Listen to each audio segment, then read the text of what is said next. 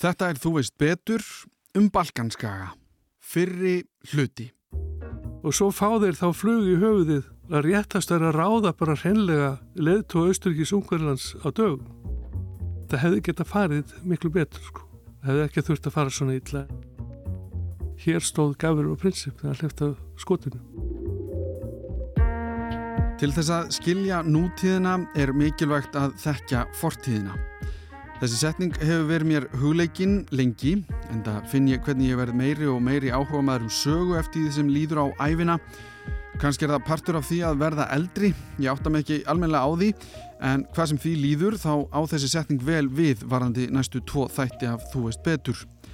Það er nefnilega svæði í suðaustur Evrópu sem er einhverjum hlustundum kunnugt en öðrum ekki. Ég hef gert svo frægur að ferðast örlítið um þarna, þá helst í Albaníu sem ég fannst alveg stórkoslegt land.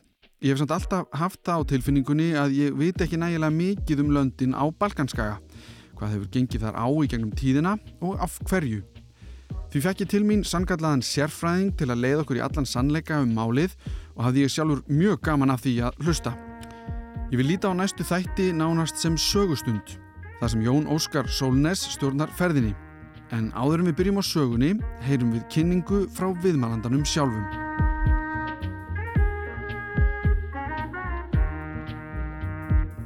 Já, góðan dag. Ég heiti Jón Óskar Solnes og er komin á miðan aldur.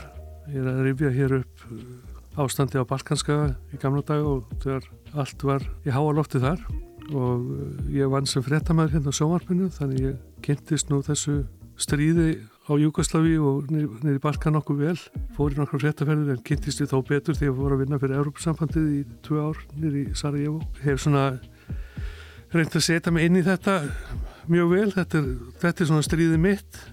Og skrítið með þess að frettamenn að þeir lendi í einhverju stríði sem eru þeirra stríð, sömur er með Norður Írland og núna eru menn með Ukrænu og Rúsland en, en þetta stríði sem var á þessum tíma einhvern veginn lendi á þeim tíma hjá mér þegar ég var í þessu. Og þannig að þetta hefur fyllt manni, maður lesið endalisa bækur og hitt endalist fólk og orðið vittni af slæmum atbyrðum og, og góðu líka. Ég hérna, starfaði um tíma fyrir Össur HF í Bosníu. Þá settum við prógram sem var fjármagn af utdragsraðunitunum gerfi fætur undir 150 manns sem var mjög ánægilegt. Eh, ég hef starfað í fríðagæslu á Sri Lanka, tvei ár þar. Var þar yfirmaður Norrændu fríðar eftirlits sveitarinn sem þar var áranum 2020-2010 og ég hef vinnið í bankageranum. Þetta er svona settlítið af hverju en Ég hef líka lendið því að fylgja konunum minni millir landa. Það útskýrir kannski eitthvað ég hef verið svona víða við. Ekki það ég ekki geta tollaði vinnu lengur á hverjum stað. En hún er semst diplomat og ég hef ferðast með henni og búið í Brussel í 11 ár, í Kaupmannafni 9 ár, Berlin 2 ár, Bonn 3 ár, eh, Sarajevo 2 ár, Boston 1 ár, Washington 5 ár og endingu Colombo og Sri Lanka í 2 ár. Það er mér að það kannski döga bara í bili.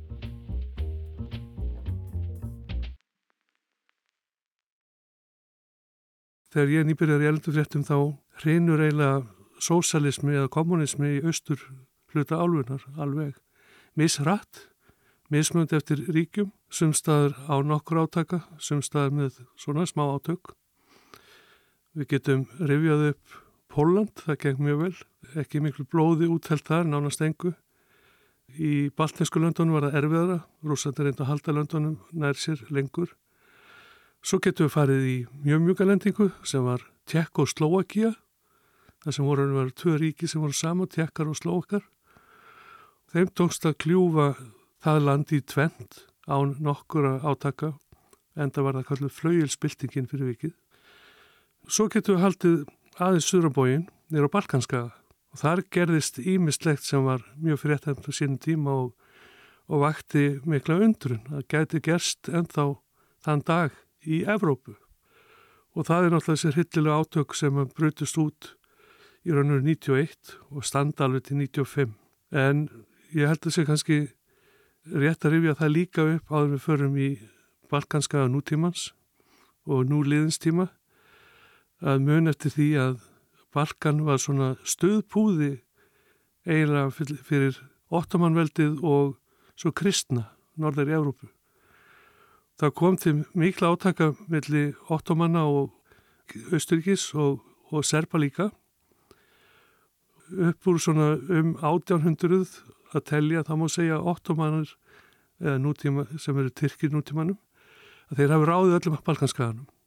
En það voru endalus átökum þetta og þegar líður á öldina þá eru mikla tilfæslur í, í eh, Evrópu á landamærum. Það verða til ríki sem voru ekki til áður eins og raunverulega Þískaland, Prúsland hverfur, nú Gundegiland eins og Belgiu sem verður bara allt ínum til.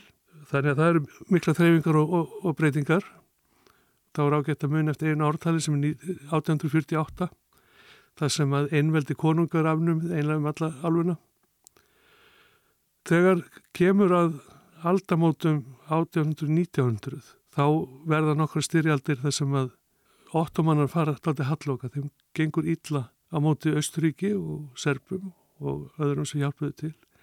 Þannig að þeir missa aðeins af Balkanskagan og færa sig aftar og sunnar. Og þá gerist það að þess að fylla það tómarum, þá hefði verið hugsanlegt að Serbíja hefði gert það en þau voru ekki það öfljóður þeim tíma þeir eru að láta Austuríki Ungverðarlandi það eftir og það sem gerist þá er að Serbíja hefur sjálfstætt ríki með, með konung sem var nú reynda veikburða. En nákvæmna ríkin Jugosláfinsku, Bosnia Kroatia og það sem kallir Sloveni í dag þau færast undir vald Austuríkis Ungverðarlands og þá fyrir við að nálgast svona mikla dramatík. Það er það eru Balkanstyrjaldir 1912-1913 það sem að ottoman að verða að hörfa enn meira og uh, þá blossar upp þessi bosníska, serfneska þjóðurniskend. Þeir sættas ekki við að búa undir hæl Östuríkis Ungarilands á meðan að króatarnir áttu frekar auðvelt með það. Þeir voru katholikar og eru. Það gekk vel sambúðin við Östuríkismenn og það er mikið byggt og mikil infrastruktúr reistur og lestur um allt og hafnir og postjónust af bætt en eh, lítið, lítið að frétta í Serbíu sem var mikið landbúnaðaland líka og því kannski ekki eins mikið eins öflut yðnríki eins og hinríkinu voru á þessum tíma. Má ég spyrja einu að því að á þessum tíma að því þú tala um bosníumenn, serbíumenn króata eru sagt, þessi lönd sem við þekkjum þá í dag öll undir Östuríki, Ungverlandi eða Östuríki en, en, en kallaðu sig samt serba eða Já, svo, er, er, þessi, er þessi þjóðurnis þessi, á ennsku var það bara svona identity Já. er það orðið til þarna sem serbar, slóvenar króatar? Já. heldur betur um, og er það bara frá fyrri tíð þá? Já, Já. Það er mjög stert í, í serbunum þessi, þessi kend að vera, vera kallar og vera serbneskur mm -hmm. og þá er það tungumálið, menn tala serbnesku og í króatíu tala með króatísku en þetta er mjög lík mál það, það, það er nánast eins þess að voru til einföldinu að kalluð bara samilega serb og króatíska Já En leikillin hér kannski í mununum á grótum og serpum er sá að, að grótanir eru katholikar og hinn eru orthodox. Já. Já. Og var það þá þannig að, að við erum búin að tala um Ottoman að þessi lönd voru fyrir, Ottoman tóku þau yfir og síðan kemur stríð þar sem að Östuríki og Ungarland eru að íta þeim aftur tilbaka. Nákvæmlega. Já. Og í raun taka þá yfir bara þau landsvæði sem Ottoman reðu yfir. Já þannig að þau eru einhvers konar pef nánast í þessum leik Já, þessi leikur er aðeins stærri en, en kannski við minnst á hana sjálft að, að, að rifjaði pér að að Balkanska eru fleiri lönd en, en þau sem mynduð Júkoslavíu mm. þannig að þarna er Greikland og Bulgaria og Albanía og þetta er líka lönd sem færðust til og frá undir áhrif Óttamann eða undir áhrif annara ja, ja. Serbarnir er svo sérstakir á margalund rækta sína þjóðinniskend mjög stert að þeir minnast ósigur sem, sem uh, stæsti dagun í sögu þeirra. Það var einhver tíman ja, 1586 er það reyndar ef ég mann rétt að þá tapa þeir mjög mikill orustu við ottoman veldið sem þá færi sem mjög norðarlega og yfir Savána og áttað Vínaborg sátum Vínaborg en náðu ekki að taka hana. Og síðan hörfa þeir eru 200 ár að taka svona hænuskreft tilbaka og uh, þessar þjóðir er nú flesta kristnar en það sem ottomanveldi var á ferðinu það var líka í Norður Afríku og, Spáni kannski líka þegar márar voru þar að það var notað allski svona bytlingar til að fá heimamenn til að snúa sér að réttir trú, að muslimatrú og þetta var sérstaklega ábyrgandi í Bosníu þar sem að voru margir sem tóku upp muslimska trú gegn því að borga lagri skatta og, og njóta ákveðnum fríðinda Þannig að leifatar á ottomanveldinu sjást best í Bosníu, það sem eru moskur og mínarettur út um all land og það sem að múslimska þjóðabróti sem er að stæsta í Bosníu er en þá Íslams trúað og hefur verið í, í fleiri hundur ár. En þannig erum við kom, kom, komnir á þetta, við erum, þú veit að fara að nefna mjög mikilvægt ártal sem er 1914 og hvað er það sko að það er ekki bara fyrir heimstyrildin og Frans Ferdinand en, en sko saga þess er mun meiri heldur sko aðdraðandin tengist þessum löndun alltaf bara mjög náð Já, já, og það er það má segja þess að styrjaldir sko Balkanstyrjaldna sem það voru kallaðar 1912 og 13 og 14 það sem að austurkísmenn ungarar voru að berjast við ottomannina sko að, að þá rýs upp þjóðutins kent meðal serpa sem búa í Bosníu. Og það hafa verið serpar sem hafa búið í Bosníu um aldir og þeir urðu rótækir, sérstaklega ungir bosníuserpar á þessum tíma og vildu fá sitt, vildu fá að, að innlimast í konungsíki Serbi, Stórserbíu og um, Gavrilo Princip var ungur eldhugi sem var alin upp í Bosníu en serfneskur mm. og orðhaldagstrúar. Hann var í leinifélag háskóla stúdenta sem að var svona laumast þess að vinna skemdaverk og einhverju minni átt að hermdaverk innan Bosníu og svo fá þeir þá flug í höfuðið að réttast er að ráða bara hreinlega leðtó Austrikis Ungverðlands á dögum. Gamli keisarinn fór ekki, fór ekki við á þessum tíma en 1914 þá fer Frans Ferdinand með Sofíu konusinni í ofinbæra heimsókt frá Vínaborg til Sarajevo sem er aðalborgin og höfuborgin í Bosníu og það er ekið með hann í limúsínu um borgina og bílinn var sem sagt ekki með þakki, heldur blæjubíl þess tíma sem óg mjög hægt um Sarajevo borg og af, af þessu eru til lifandi myndir, með segi lit, litaðar og filmur en það er ekki til mynd af sjálfu, sjálfu mordinu. En það sem gerist er að, að, að bílnum er ekki með bílalest ringinu kringum uh, miðbæin í Sarajevo og svo er satt og hermt að bílstjónin hafi ekki ratað en hann begði inn í vittlis og göttu á bakaleðinni.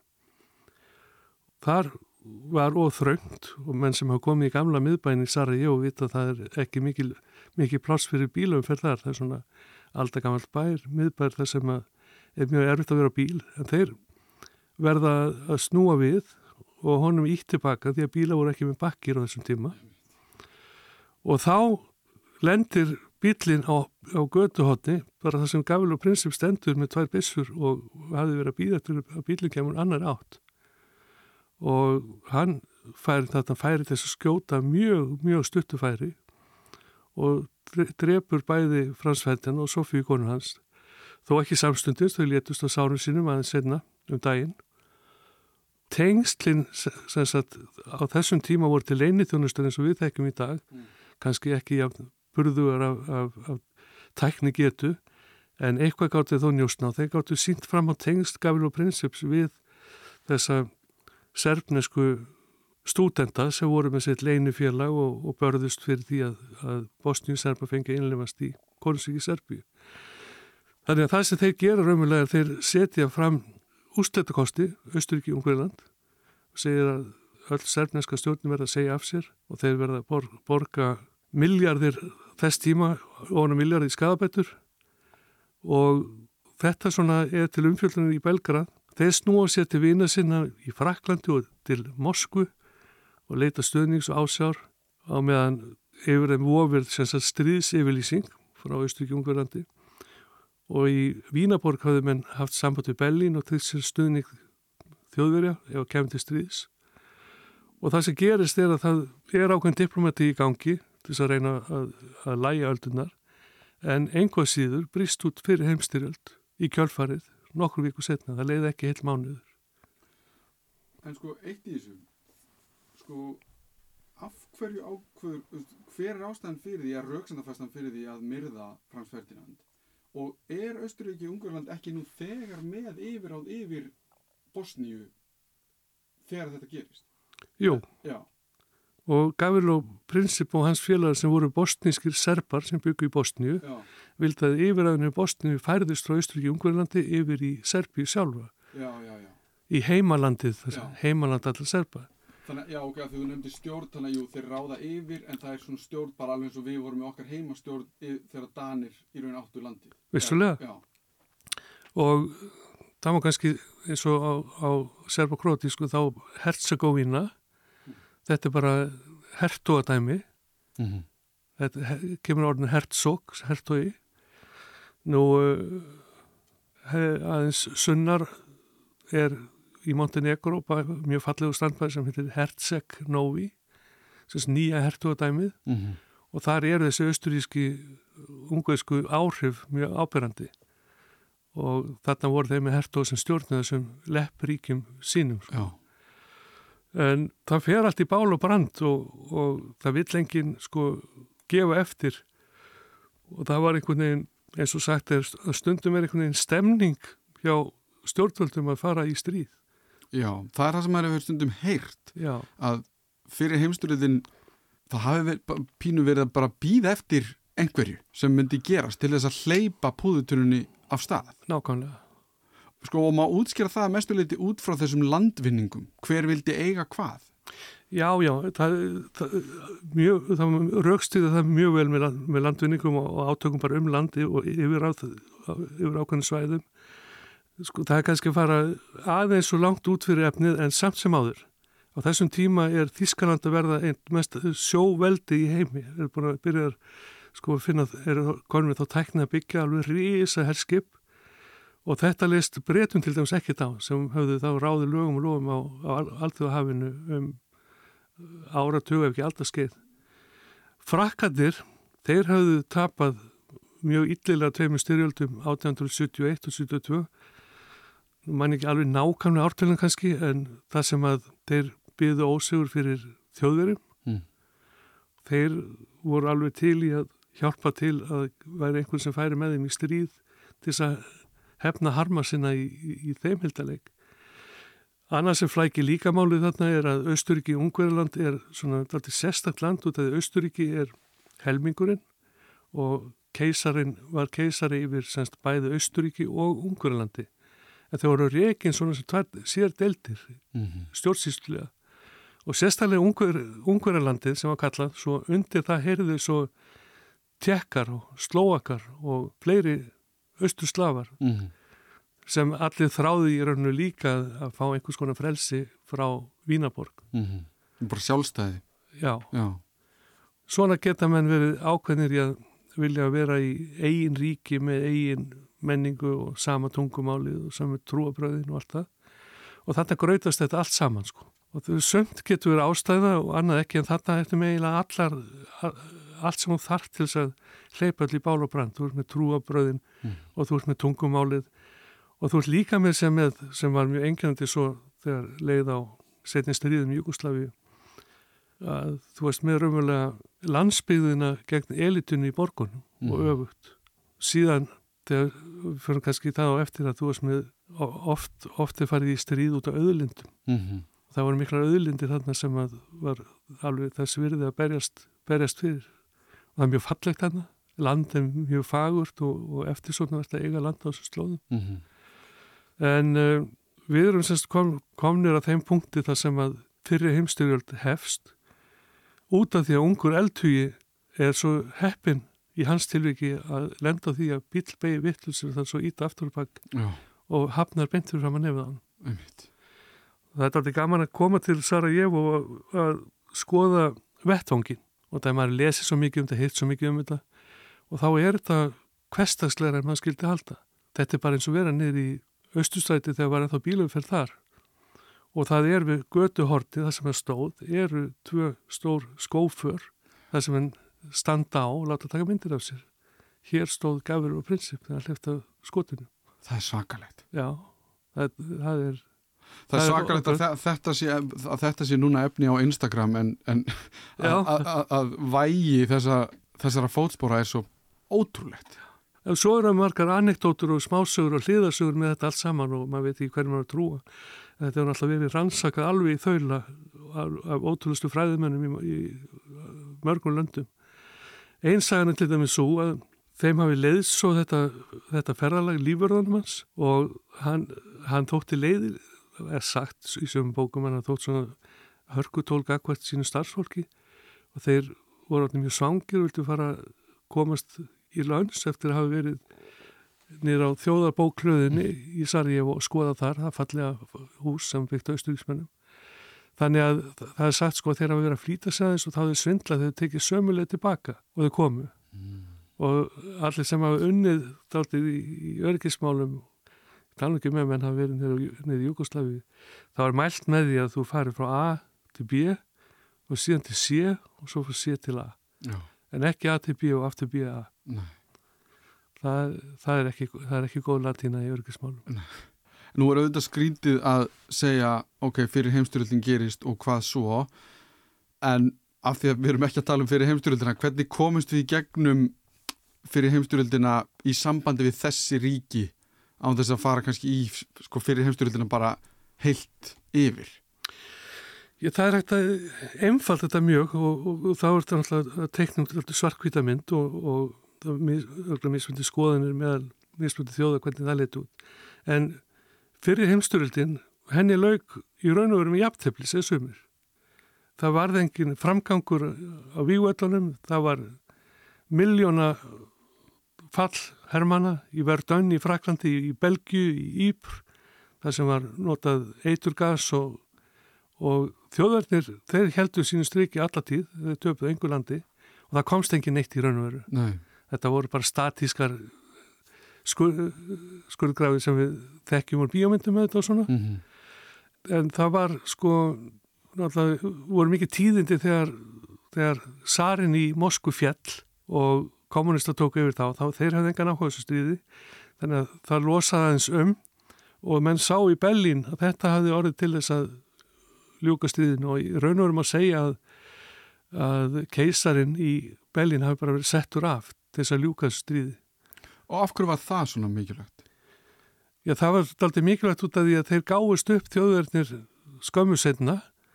Það hefur líka rætt náttúrulega mjög mikið og rannsakaði þaula hvað var í bóði fyrir þá og, og hvernig framaldi varð. Mm -hmm.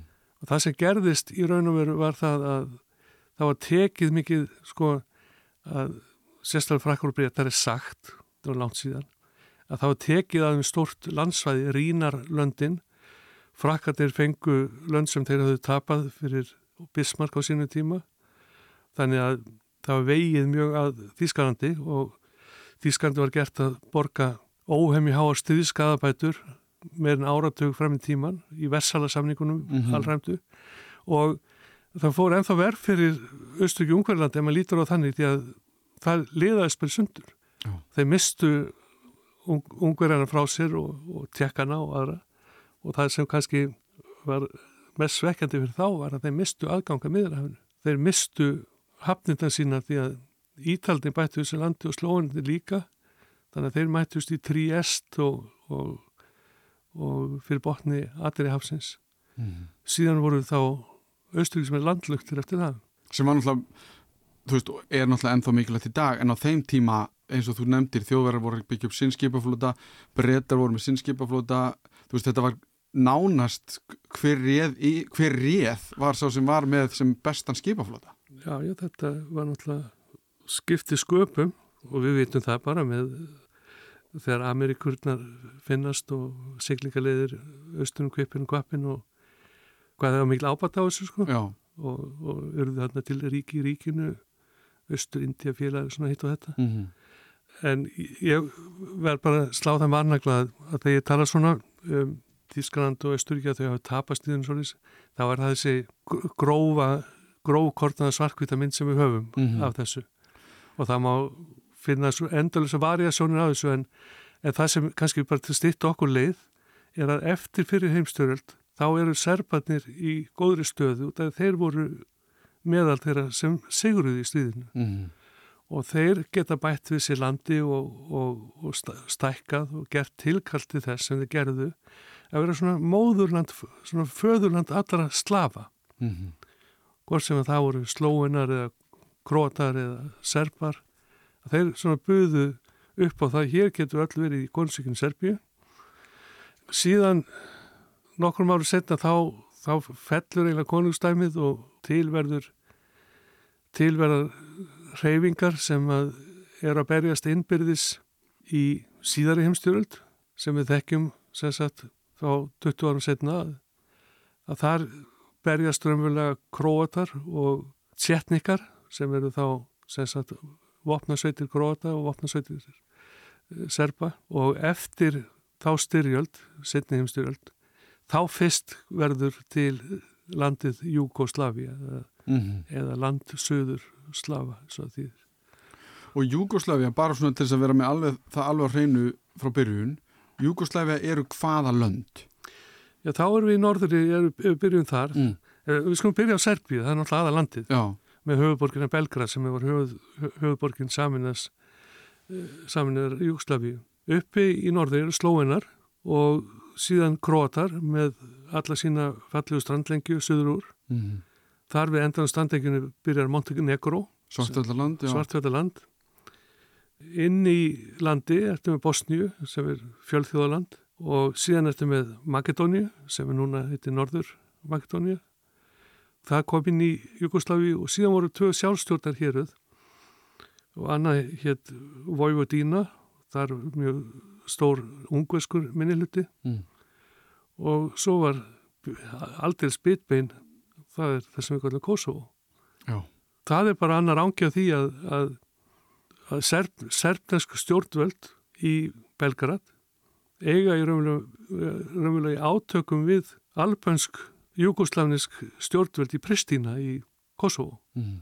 og það sem að þeir rísu upp og svo það væri mjög illa fara með það og svelti peningalega og, vildi bara fá að halda sinni albensku tungu og, og það var til stríð úr, úr því það sem að Kosovo fór undan Serbíu og í dag er Kosovo sjálfstættiríki við kenta flestum löndum saminu þjóðana en ekki, ekki öllum. Mm.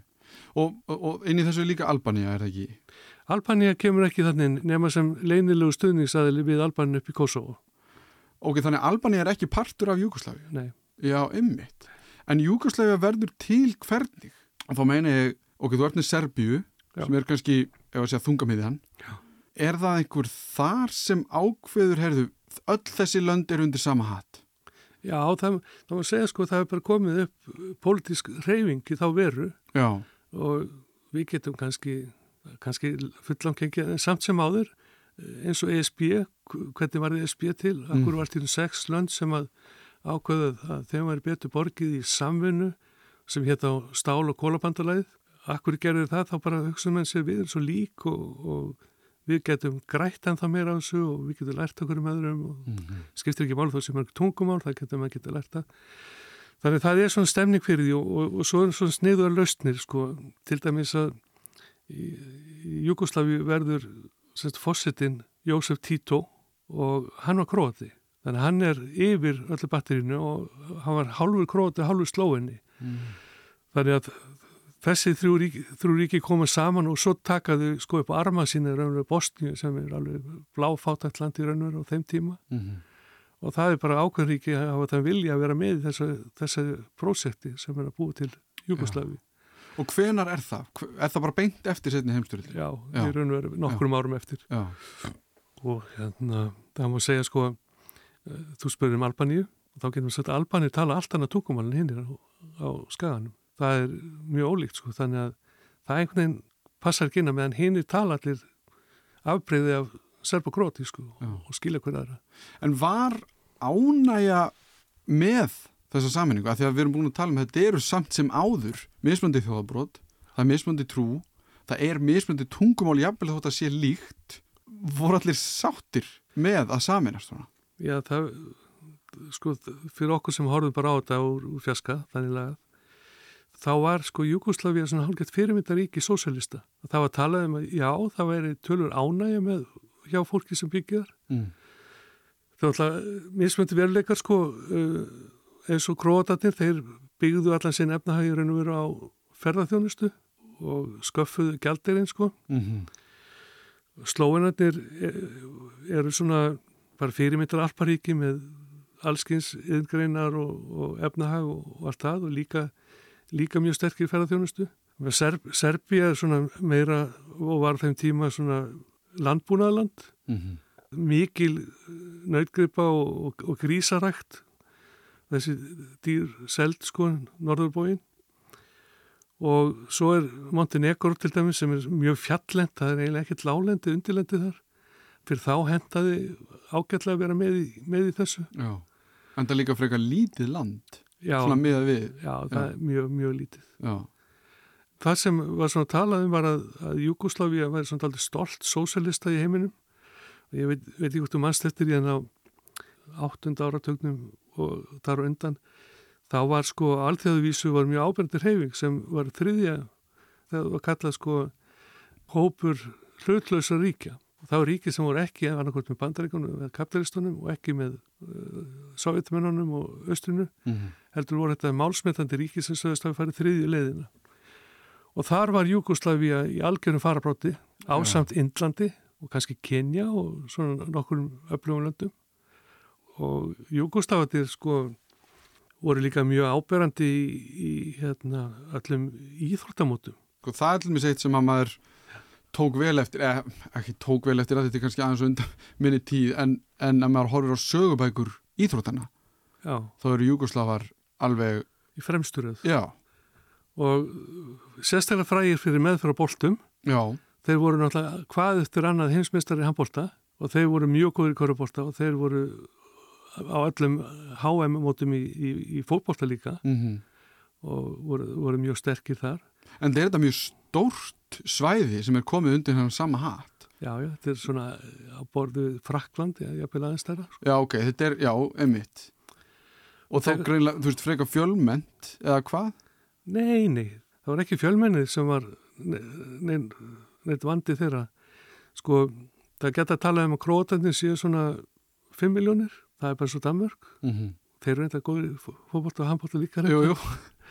en Serbandin er svona 7-8, eitthvað 9 eins og svíjar kannski Já. og Slóinar er nú ekki nefnum 2 miljónir og í Bosni búa svona umþabil 3 miljónir sem er ekki alveg með að reynu þetta eru fáminn ríki í raun og veri sjálfur sér sko og svo eru þeir náttúrulega mjög ólík þannig að svartfjallalandi er bara fjallendi og, mm -hmm. og hérna í Kroatíu með þessa æðislu strand uh, sem allir vilja heimsækja og forðakistu í austri og Þannig að þú ert líka með þú, þetta, þetta bandalag eða þetta samhælja land það tikkar í mjög mörg boks varðandi já hvað land þarf að hafa til þess að vera farsælt. Ef við, segjum, ef við orðum þannig. Já, og það, það var sko það var líka fyrirbæði sem var mjög vinsalt að tala um á sínu tíma þessi lönd sem fóru þriðileðina þau voru reynið að vera óháð bandarækjumennum eða sovjetmennum um efnas styrk eða um bara eitthvað sem þurfti á að halda. Mm -hmm. Þau reyndu að vera svona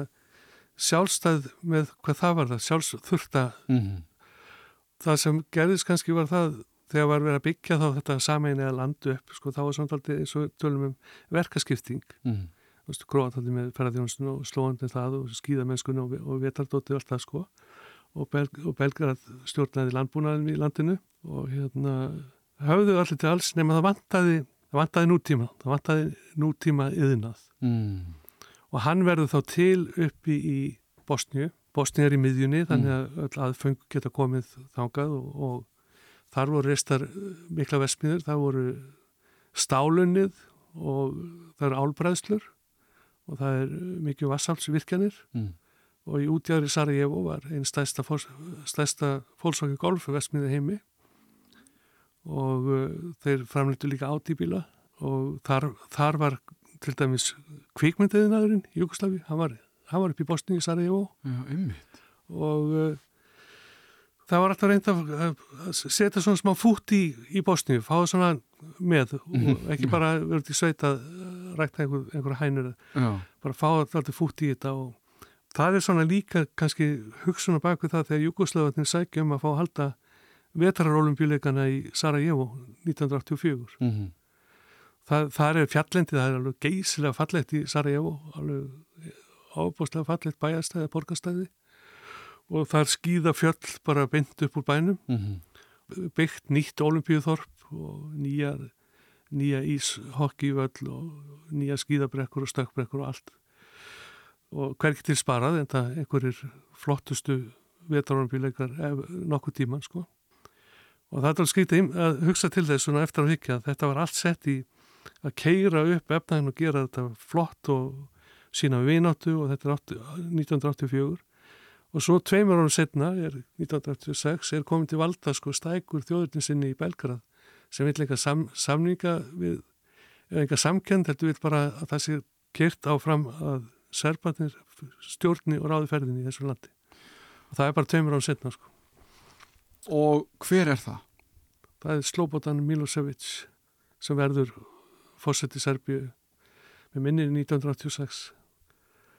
Þú veist, þetta, þetta nafn Já. er náttúrulega, það vekur svona pínu, það, það nánast stuðar mann Já. að heyra þetta nafn.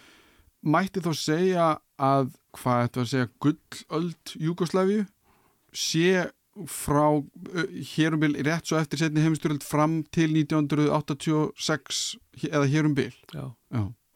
að því að hvað er það sko og nú veit maður ekki alveg hvernig maður orða þetta en ef að það hefur gengið svona vel Já. með þetta sósílska ríki sem er ekki með bandaríkjumönnum eða með sovjetmönnum þannig að það er einhvern veginn að skapa sína eigin leið þetta samband virðist hafa allt til alls til þess að bara vera sjálfbær hópur eða þjóðir landsvæði, er það bara og ég veit ekki hvernig þú veist, við erum búin að fá Hitler. Þú veist, setni heimstyrjöldin er búin. Já. þannig að mér líður þegar maður horfður á þetta svona tilbaka heru, það er einn rugglundallur búin að reyna eitthvað svona þjóðverðnis við ráðum svona verður þetta að vera þú veist, er það bara einmitt eins og þú segir þjóðverðniskendin í honum sem gerir það verkum að hann segir við erum bestir og þá verðum við að ráða öllu Já, þá má segja sko það, þetta sé svona stemningin á þessum tíma og það, það, sko, kommunismin er komin að fallandi fætur. Gorbachev er að hvetja til líðræðisvæðingar í allir östublokkinni, segir reyndar að hann vil ekki sjá NATO koma nær sér en Þísku, Þískans östu-Þísku landamærin, mm. en Váslav Havel er í, er í Tjekklandi, sko þetta er alltaf skrítið þetta svo háð personustundum mm -hmm. hvernig heldur sko væri í Kremli ef Putin væri ekki til væri ekki mm -hmm. góðu möguleik að það væri allavega ekki verða þar ástændi núna sko mér finnst það, jú að ja. það, það er allavega litla líkur á því að, einmitt, að það væri verra Já. en það er í dag en, en þar erum við einmitt með kannski þennan egocentriska að þér bara einvald Já. sem að mér finnst Slobodan Milosevic hljóma eins og Já. og hvað byrjar hann á því að gera sem, að gera, sem, sem er kannski þá byrjunin á það, bara, ég veit ekki hvernig ég orða það, bara þessu stríði Já, hann byrjar umverulega þar sem leikun er kannski einfaldastu fyrir hann, hann byrjar í Kosovo mm. og í Kosovo verður allt vittlust menn sættast ekki við það að þurfa að læra serfninsku sem fyrsta tungumál heldur vilja að læra albansku til þessu fyrsta tungumál og serfninsku sem annar tungumál. Mm -hmm. þannig að, að þar var frækt að þar var sko tvöfalt kerfi, það var semst þjóðfélag sem var nafnum til rekið frá Belgrad og svo var annað sem var bara rekið heima. Mm -hmm. það, er, það er margt sem getur spilað inn í. Ég, til dæmis hafa menn bent á það 1984 1983 þá fellur Tito frá mm -hmm kroatíski slóvenin sem hafi stjórnað þessu lista vel politist í, í 40 ár sko. mm. og það er mikið áfall fyrir, fyrir allt, allt alla Jugoslæfi mm. það var sirður mjög það var mjög flinkur að, að líma þetta saman og hann skilur eftir sitt aldrei tómarum sko. það hafi verið tekið duglega á þjóðutinsinnum undir hans stjórn líka sko og það voru þjóðurinn sinnaði í Belgrad og það voru miklu þjóðurinn sinnaði í Sakar, Kroatar, mm -hmm. mikil óskup þeir vildu helst líta sig frá þessu leið og bara við öflum allra gælduristektan hér í þessu já, landi já. Og, og, og, það allt saman. Og þeim var nú stungið inn okkurum leðtói Kroata á þessum tíma er Franjo Tutsman hersöðingi fyrir handi og hann hafði setið inni fyrir að vera viðra stækar þjóðnins skoðanir Já þannig að það er samt undir niður í einhver staðar líka. Já, og svo er svona ímest tákn sko, eins og að hversu mikla áherslu serbarnir og bostjúnserbarnir, sérstæðilega bostjúnserbar og líka serbar inn í Kosovo hafa lagt á að hafa kirkjurnar og klöstin sem flottust. Þau blasa við á svona hæðum og það er svona glæsi, glæsi menning serbnisk Krótið til dæmis þeir flagga sínu gamla fána symbóli sem er skákborðið mm -hmm. getur kallað það, það er okkur sem sér að fólkbóltabúningum hjá þeim og þetta er á þökum og kirkjum og þetta er mjög víða mm -hmm. þetta var til dæmis lamið niður sko á sínum tíma í Júkoslavi undir stjórn Títós því að mann vildi ekki að vera egna menn til einhverja átæk og leðinda út af einhverjum þjóðutins symbólum sem var höfði í heðri sko. mm -hmm. en, en sko króata í dagur er svakalega hrypnir af skákbórið þeirra. Það er svona identitet hjá þeim. Og þetta er alltaf mjög samt meðal þjóða eins og vitum, sumar þjóður er mjög duglegar að flagga og var ekki og gróðaldur serpa flagga alveg vilt og galið. En ég ætla að nefna í þessu eina anekdótið hér ef ég má. Mm -hmm. þegar ég var að vinna í sportinu hérna í, í sjónvarpinu þá fór ég að lísti úslutaleg í Európkeppni mestræðilega eins og hérna á sínum tíma og það var leiku sem frá fór í Bari og Ítalju og til ústildarleiku Olympique Marseille og Rauðastjórnand Belgrad. Mm -hmm. Svo rétt á leikun hefst, þá er rúla út svona fána, svona risafána sem hilur alla og það er hérna, gamli konungsríkisfánin Serbíu, þá er hann með jugoslavisku litónum en ekki stjórnunni sem Jugoslavi var heldur með tvíhauða örnins sem sagt mm -hmm það er sem sagt bara þjóðurinn symbol sem, sem vakti bara óhug annara í, í Júkoslavi sko. og menn voru að klóra sér í höfðinu út af því að þó íþróttafrættamenn getur alveg verið vel með á nótunum þá hafðu fæstir það séð þetta aftur og skildi ekki alveg hvað var ferðin hérna mm.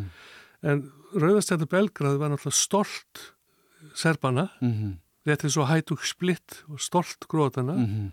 og rétt eins og fótbolltalið út í heimi eru stolt og jáfnveil á Íslandi er þannig að, að menn eru annarkort púlarar eða júnættum menn og svo lýst þannig að þetta var svona daldi magnað að sjá þetta sko. Já, og e, já, einmitt.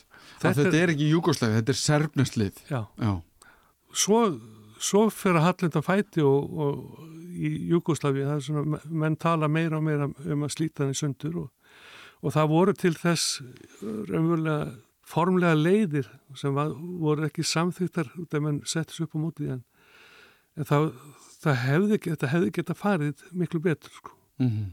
Það hefði ekki þurft að fara svona ítla en, en það er þetta einhverjum 90 sko þegar slóanetnir segja við, við nennum ekki þessum yfirgangi sem Milosevic hafum ekkert með hann að gera við ætlum bara að lýsa við sjálfstæði og þá fer Jugosláfinski herin inn í slóinni og það er í tíu daga nær engum árangri, bakka bara út aftur og þeir gleima slóinni, þá slóinni sloppin.